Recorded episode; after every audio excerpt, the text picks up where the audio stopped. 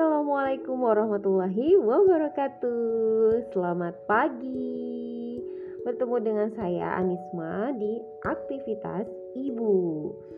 Sebelumnya mohon maaf Karena ini agak molor dari jadwal ya. Seharusnya kita kemarin Rabu jam 16.30 waktu Indonesia Barat Tapi akhirnya baru bisa pagi ini. Gak apa-apa ya. Oke, di podcast pertama aktivitas ibu, kita akan ngebahas tentang ibu dan waktu. Hmm, kalau ngomongin masalah waktu, kayaknya nggak ada habisnya ya. Apalagi buat ibu-ibu rumah tangga, waktu adalah ya sering banget sih jadi kambing hitam gitu ya. Sering banget gak sih kita dengar eh, kata-kata atau kalimat yang keluar dari uh, mulut ibu-ibu aduh mana sempat ngurusin ini aja udah makan waktu banyak. Atau 24 jam itu rasanya kurang loh mak. Hmm. Mak gimana sih mak? Bisa bagi waktu? Aku jam segini aja masih ngoprek urusan dapur. Atau mana bisa aku belajar upgrade diri mak wow ngurusin rumah aja nggak kelar-kelar gitu kan? Atau ada lagi anakku empat mak masih kecil-kecil bisa waras aja aku udah syukur. Atau pernah dengar gak sih yang dah lah namanya juga udah mama yang sibuk cuma ngurus dapur, sumur sama kasur. Mana sempat lagi yang lain-lain? Atau saya sering juga nih dapat kayak begini Lo enak mah anak-anak udah gede lah gua gitu. Wah banyak ya kalimat-kalimat yang terlontar dari ibu-ibu itu uh, tentang waktu. Sebenarnya ada masalah dengan waktu gak sih? apakah kurang gitu ya dapat jatah 24 jam dari Allah gitu? Dulu sih saya sempat ada di posisi yang aduh 24 jam nih rasanya kurang banget gitu kan. Kayaknya belum ngapa-ngapain. Eh udah sore aja belum ngapa-ngapain udah malam aja gitu kan nah setelah saya uh, mulai sadar gitu bahwasanya ini nggak bisa gini terus nih gitu kan. Karena ternyata semua orang tuh dapat jatah waktu, waktu yang sama 24 jam. Tapi kenapa kok ada yang bisa ngelola waktunya dengan baik tapi ada juga yang nggak bisa gitu kan? Nah mulailah saya sering ikut ke uh, semacam seminar tentang manajemen waktu. Terus saya sering juga baca buku tentang manajemen waktu sering juga lirik-lirik kanan kiri gitu kan ngeliat teman tentang manajemen waktunya seperti apa gitu. Lama-lama mulailah saya mendapatkan formula yang khusus untuk saya e, bisa aplikasikan dalam keseharian saya gitu ya. Jadi walaupun kita dapat ilmu dari orang lain walaupun kita dapat e, apa ilmu tentang manajemen waktu dari buku dan lain sebagainya tapi kita nggak bisa plek ketiplek sama seperti itu. Karena kondisi kita berbeda-beda ya kan? Ya pasti nggak sama lah antara seorang yang misal punya anak balita batita bayi dengan ibu yang sudah punya anak beranjak dewasa gitu. Pasti pengelolaan waktunya itu berbeda. Nah saya akan kasih tips tentang bagaimana sih mengelola waktu supaya waktu kita waktu yang di, yang kita dapat ini jadi lebih bermakna gitu ya. Jadi nggak ada lagi kata-kata yang waduh 24 jam ini kurang gitu. Nah mudah-mudahan setelah mendengar tentang tips ini ibu-ibu semua udah nggak ada lagi yang mengeluarkan kata-kata 24 jam itu kurang mah gitu ya. Oke tips yang pertama itu tentukan prioritas. Nah jadi sebelum kita berkegiatan sehari-hari, kita usahakan untuk bisa menentukan prioritas apa yang akan kita kerjakan di hari itu. Ini penting karena kalau kita tidak tahu prioritas apa yang kita kerjakan, itu itulah yang nanti menyebabkan kita itu nggak tahu mau ngapain lagi. Misalnya pagi kita udah selesai urusan domestik gitu. Karena kita nggak ada prioritas apa pun kita nggak ngerti nah, setelah ini mau ngapain. Jadi kebanyakan kalau untuk anak-anak yang udah ibu yang punya anak sudah beranjak dewasa itu kan lebih banyak waktu luangnya gitu ya. Uh, karena semua kerjaan udah kelar anak-anak udah beres suami juga udah terus kita bingung mau ngapain. Ya alhasil cuma scroll scroll medsos atau apa pun gitu kan. Nah jadi penting tentukan prioritas. Ini meminimal, mem, meminimalisir waktu yang terbuang percuma. Nah, setelah kita tentukan prioritas, tips yang kedua itu buat jadwal sehari-hari. Nah, kalau kalau kita hidup dengan jadwal itu insya Allah lebih teratur dan lebih terarah karena gini kalau misalnya kita nggak punya jadwal itu ya kita ya seperti yang saya sebutkan tadi kita nggak tahu nih jam segini kita mau ngapain? Jam segitu kita mau ngapain? Lah kalau kerja udah kelar terus mau ngapain? Kan gitu kan? Makanya kebanyakan ibu-ibu di luaran sana bahkan zaman saya dulu waktu masih kecil juga saya sering melihat gitu ibu-ibu yang udah semua kelar kerjaannya ya tiba-tiba uh, kemudian karena nggak tahu mau ngapain berkumpul dengan ibu-ibu yang lain. Alhasil bergosip lah ya kan bergibah lah sampai berpart-part nah kalau bisa kita meminimalisir itu gitu makanya kita perlu membuat jadwal sehari-hari kalau kita sudah punya jadwal apalagi mungkin yang jadwalnya detail dari jam ke jam nah itu kita akan tahu jam-jam berapa saja kita mengerjakan apa. Misalnya di jam pagi kita mengerjakan kegiatan dom do domestik gitu kan. Kemudian di jam siang kita mau upgrade diri. Di jam malam ya total uh, totalitas bersama dengan keluarga dan sebagainya. Jadi kalau kita punya jadwal harian, insya Allah waktu yang kita punya itu bisa lebih bermanfaat. Oke, okay? tips yang selanjutnya adalah jangan menunda. Nah, menunda ini adalah kebiasaan buruk ya kebanyakan orang ini yang harus kita coba untuk kita hempaskan gitu dari kehidupan kita. Jadi jangan pernah menunda jika memang tidak ada hal yang lebih penting yang sifatnya mendesak. Nah, ngerti? Paham ya, Bu? Di sini jangan menunda kalau tidak ada hal yang lebih penting yang sifatnya mendesak gitu. Nah, jadi kalau misalnya kita sudah punya jadwal harian nih, sudah ada di situ eh, kegiatan-kegiatan apa yang akan kita lakukan. Nah, jangan ditunda kecuali kalau misalnya ada kegiatan lain yang lebih urgent gitu yang memang harus saat itu juga dikerjakan ya nggak apa-apa ditunda dulu tapi masuk ke prioritas di hari berikutnya jangan karena sudah ditunda ya udah nggak dikerjakan gitu kan itu bakalan nanti menumpuk dan itulah yang akan membuat kita jadi bingung mana yang harus kita kerjakan lebih dulu jadi katakan tidak kepada menunda. Oke, okay? tips yang selanjutnya segera atasi gangguan internal dan eksternal. Nah, gangguan internal ini ya seperti tadi yang poin 3, suka menunda. Kemudian gangguan eksternal itu misalnya seperti scroll medsos gitu kan atau ngobrol dengan tetangga sampai lupa waktu. Apa nggak boleh? Ya boleh-boleh aja, tapi jangan sampai menghabiskan waktu kita gitu misalnya gini kita pergi ke, ke tukang sayur niatnya tuh mau beli sayur tapi ketemu sama tetangga eh malah jadi ngobrol ngalor ngidul ya kan? Harusnya hanya butuh waktu 5 menit untuk belanja. Ini malah jadi 30 menit sampai 60 menit. Bayangkan kalau waktu itu kita pakai untuk masak udah kelar masakan kita. Ya toh? Nah jadi boleh ketemu tetangga ngobrol sama tetangga tapi dibatasi. Karena kita tahu oh ya aku harus mengerjakan aktivitas ini. Jadi kalau aku kelamaan ngobrol sama tetangga aktivitasku ini bakalan terbengkalai tertunda gitu kan jadi ya pintar-pintarnya kita kalau misal kita kumpul sama eh ketemu sama tetangga ya say hi aja ngobrol sebentar habis itu permisi. Maaf ya bu teteh saya permisi dulu mau masak. Kita kan? Gak mungkin kan tetangga nahan-nahan eh gak usah kita ngobrol dulu gini gini gini. Ya kalau misalnya nahan ya tetap aja iya teh harus masak soalnya anak-anak kan mau makan gitu ya kan emangnya teteh mau ngasih makan nah seperti itu jadi usahakan minimalisir gangguan internal dan eksternal. Kalau gangguan internal itu kan memang dari diri kita sendiri ya.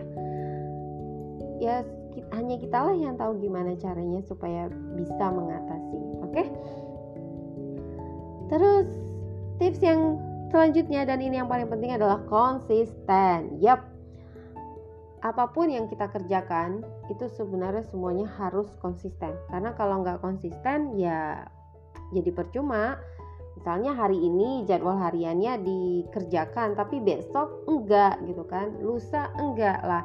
Jadi uh, kita nggak terbiasa gitu. Nah makanya kita harus memaksakan diri untuk konsisten di awal kalau dalam Islam itu kan dianjurkan untuk misalnya mengerjakan ibadah ibadah sunnah itu 40 hari berturut-turut tanpa jeda. Supaya apa?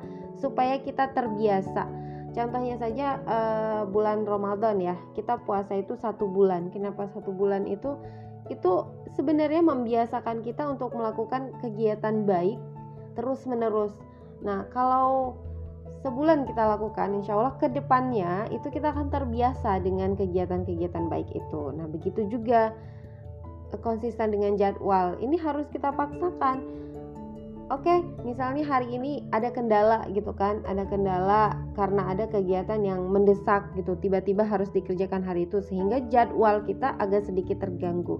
Ini bukan menjadi alasan kalau besoknya jadwal kita amburadul lagi. Enggak bukan ya. Jadi kalau misalnya hari ini tertunda karena ada kegiatan yang lebih urgent ya besok kegiatan yang yang kemarin kita tunda itu besok harus kita kerjakan dulu. Jadi masuk prioritas yang lebih awal gitu kan? Jadi konsisten itu kalau saya bilang sih e, berurusan dengan namanya niat. Kalau kita memang punya niat yang kuat dan memang niat ini harus diperbaharui setiap hari insya Allah kita bisa konsisten kalau saya uh, tipsnya ikut sertakan suami dan anak-anak karena mereka bisa jadi alarm kita, mereka bisa jadi pengingat kita. Misalnya nih, kita punya jadwal harian yang kita pajang gitu kan di kulkas gitu dan uh, semua anggota keluarga bisa baca. Nah, kalau kita terlupa mengerjakannya atau kita terlalu asik dengan kegiatan kita, anak-anak atau suami bisa mengingatkan. Misalnya anak saya yang nomor 2, dia baca kegiatan, uh, jadwal harian saya di jam sore gitu kan uh, main dengan anak. Nah, ketika saya mungkin sibuk dengan gadget saya, dia akan mengingatkan, "Oh, Mon, ini jamnya main sama anak." Mana? Mana? gitu. Nah, jadi kita harus punya support system ya, biar bisa saling mengingatkan. Insya Allah kita bisa konsisten seterusnya. Oke, siap? Mudah-mudahan siap. Nah, itu tadi tips dari saya untuk uh, memanajemen waktu. Silahkan uh, sesuaikan dengan kondisi masing-masing karena kondisi saya tentu berbeda dengan kondisi ibu-ibu semua. Jadi, ibulah yang paling tahu kondisi ibu, sesuaikan dengan kondisi ibu. Jadi buat yang paling nyaman aja karena kan ibu ini harus bahagia ya. Jangan kita membuat jadwal harian, kita memanajemen waktu malah kita menjadi terbebani. No big no untuk itu. Jadi tetap kondisikan, sesuaikan dengan keadaan kita supaya kita bisa nyaman mengerjakannya. Nah, setelah tadi tips, saya ingin mengingatkan tentang kuadran ya. kuadran. Jadi ada dalam manajemen waktu itu ada kuadran penting mendesak. Nah, kalau penting dan mendesak, maka kerjakan sekarang. Ya toh? Jadi yang yang paling tahu itu kita ya. Ini kerjaan ini penting mendesak atau penting tidak mendesak atau nggak penting sama sekali. Nah kita yang tahu. Jadi kalau itu masuk di penting mendesak maka kerjakan sekarang. Kemudian penting tidak mendesak. Penting sih tapi nggak terlalu mendesak. Nah ini bisa masuk ke dalam pekerjaan yang kita rencanakan ya. Uh, kapan waktunya ya kita yang tentukan. Nah kemudian tidak penting mendesak nggak penting tapi mendesak. Contohnya kayak gimana? Misalnya menyetrika. Kalau saya sih menyetrika me time ya. Jadi nggak nggak terlalu bermasalah. Nah misalnya menyetrika tidak penting tapi mendesak. Nggak penting kan? Menyetrika masih bisa kita lipat-lipat gitu. Tapi mendesak kalau berkaitan dengan seragam anak sekolah atau seragam suami kerja. Ya kan nggak mungkin mereka pakai baju kusut ya toh? Nah harus disetrika. Nah jadi kalau misalnya nggak bisa kita kerjakan delegasikan bisa loh masuk ke laundry. Serahkan aja kepada tim laundry ya kan? Jadi kita nggak perlu capek nyetrika gitu. Kalau memang tidak bisa kita kerjakan. Kemudian tidak penting tidak mendesak. Nah udah nggak penting nggak mendesak pula. Jadi ngapain dikerjakan? Ya kalau masuk ke dalam uh, diagramnya ini ya kuadrannya ini ya udah singkirkan aja abaikan. Contohnya apa? Nonton drakor misalnya kan. Nonton drakor itu kan bukan suatu hal yang penting bukan hal yang mendesak juga. Jadi ya kalau kita aktivitas jadwal harian kita udah padat gitu dengan kegiatan-kegiatan lain ya sudah diabaikan saja drakornya gitu. Lah emang nggak boleh nonton mbak? Ya bukan nggak boleh boleh boleh aja. Tapi kalau memang kita masih punya kerjaan lain yang lebih penting, yang lebih prioritas, ya kerjakan dulu yang penting itu, ya kan? Nanti kalau misalnya sudah semua sudah selesai, terus mau mita misalnya nonton, ya monggo gitu. Nah kalau saya mitamnya kebetulan nyetrika, jadi ya nggak masalah ya kan sambil menyelam minum air, eh, apa pakaian rapi, saya juga menikmati. Nah gitu. Jadi me time tiap orang tuh beda-beda usahakan me time kita juga bisa bermanfaat bisa menghasilkan sesuatu gitu lah ya kan bisa produktif gitu. Nah jadi itu tadi ya tips dari saya gimana kita memanajemen memanajemen waktu. Ingat buat jadwal tentukan prioritas ya. Bisa juga buat list harian. Buat list harian itu artinya mana-mana yang menjadi prioritas itu yang kita tulis dulu dan itu yang kita kerjakan. Enaknya itu insya Allah nggak terlewat. Uh, sesuatu yang mau kita kerjakan tuh nggak terlewat karena kita punya checklist harian. Kalau misalnya sudah dikerjakan di checklist. Kalau yang belum kan belum ada tanda checklistnya. Nah ini bisa jadi panduan kita. Kemudian buat target. Nah biasanya manusia itu kalau ditargetin jadi semangat 45 gitu kan. Beda sama yang let it flow aja ikut al arus air gitu. Nah itu beda. Uh, jadi kalau bisa tentukan target supaya uh, kita bisa semangat dalam mengerjakannya. Oke? Okay? Mami semuanya ibu-ibu yang luar biasa mudah-mudahan dengan tips dari saya tentang manajemen waktu kita bisa memperbaiki waktu-waktu kita yang kesannya 24 jam itu kurang gitu ya. Padahal Allah tuh sudah ngasih 24 jam itu ya tentu itu yang terbaik untuk kita. Yang penting kita bisa meng mengelolanya supaya uh, waktu yang dikasih sama Allah ini benar-benar bermanfaat. Karena ingat setiap detik yang kita lalui itu nanti akan dipertanggungjawabkan. Dan semoga ya tiap detiknya bermanfaat gitu. Oke? okay? Kita berubah sama-sama, kita perbaiki kualitas diri kita karena perbandingan sejati itu adalah membandingkan diri kita hari ini dengan diri kita kemarin. Jadi nggak usah membandingkan diri kita dengan tetangga atau membandingkan diri kita dengan orang-orang lain, tapi bandingkan diri kita hari ini dengan diri kita kemarin. Apakah lebih baik atau sama aja? Atau malah lebih buruk? Nauzubillah. Jadi semoga kita hari ini lebih baik dari hari kemarin kita besok lebih baik dari hari ini. Oke, semangat ya ibu-ibu. Terima kasih atas atensinya pagi ini. Mudah-mudahan kita bisa bertemu pekan depan. Mudah-mudahan bisa ketemu di hari Rabu di jam 16.30 waktu Indonesia Barat. Oke, sampai ketemu pekan depan. Nikmati hari ini. Jangan lupa untuk tetap bahagia. Assalamualaikum warahmatullahi wabarakatuh.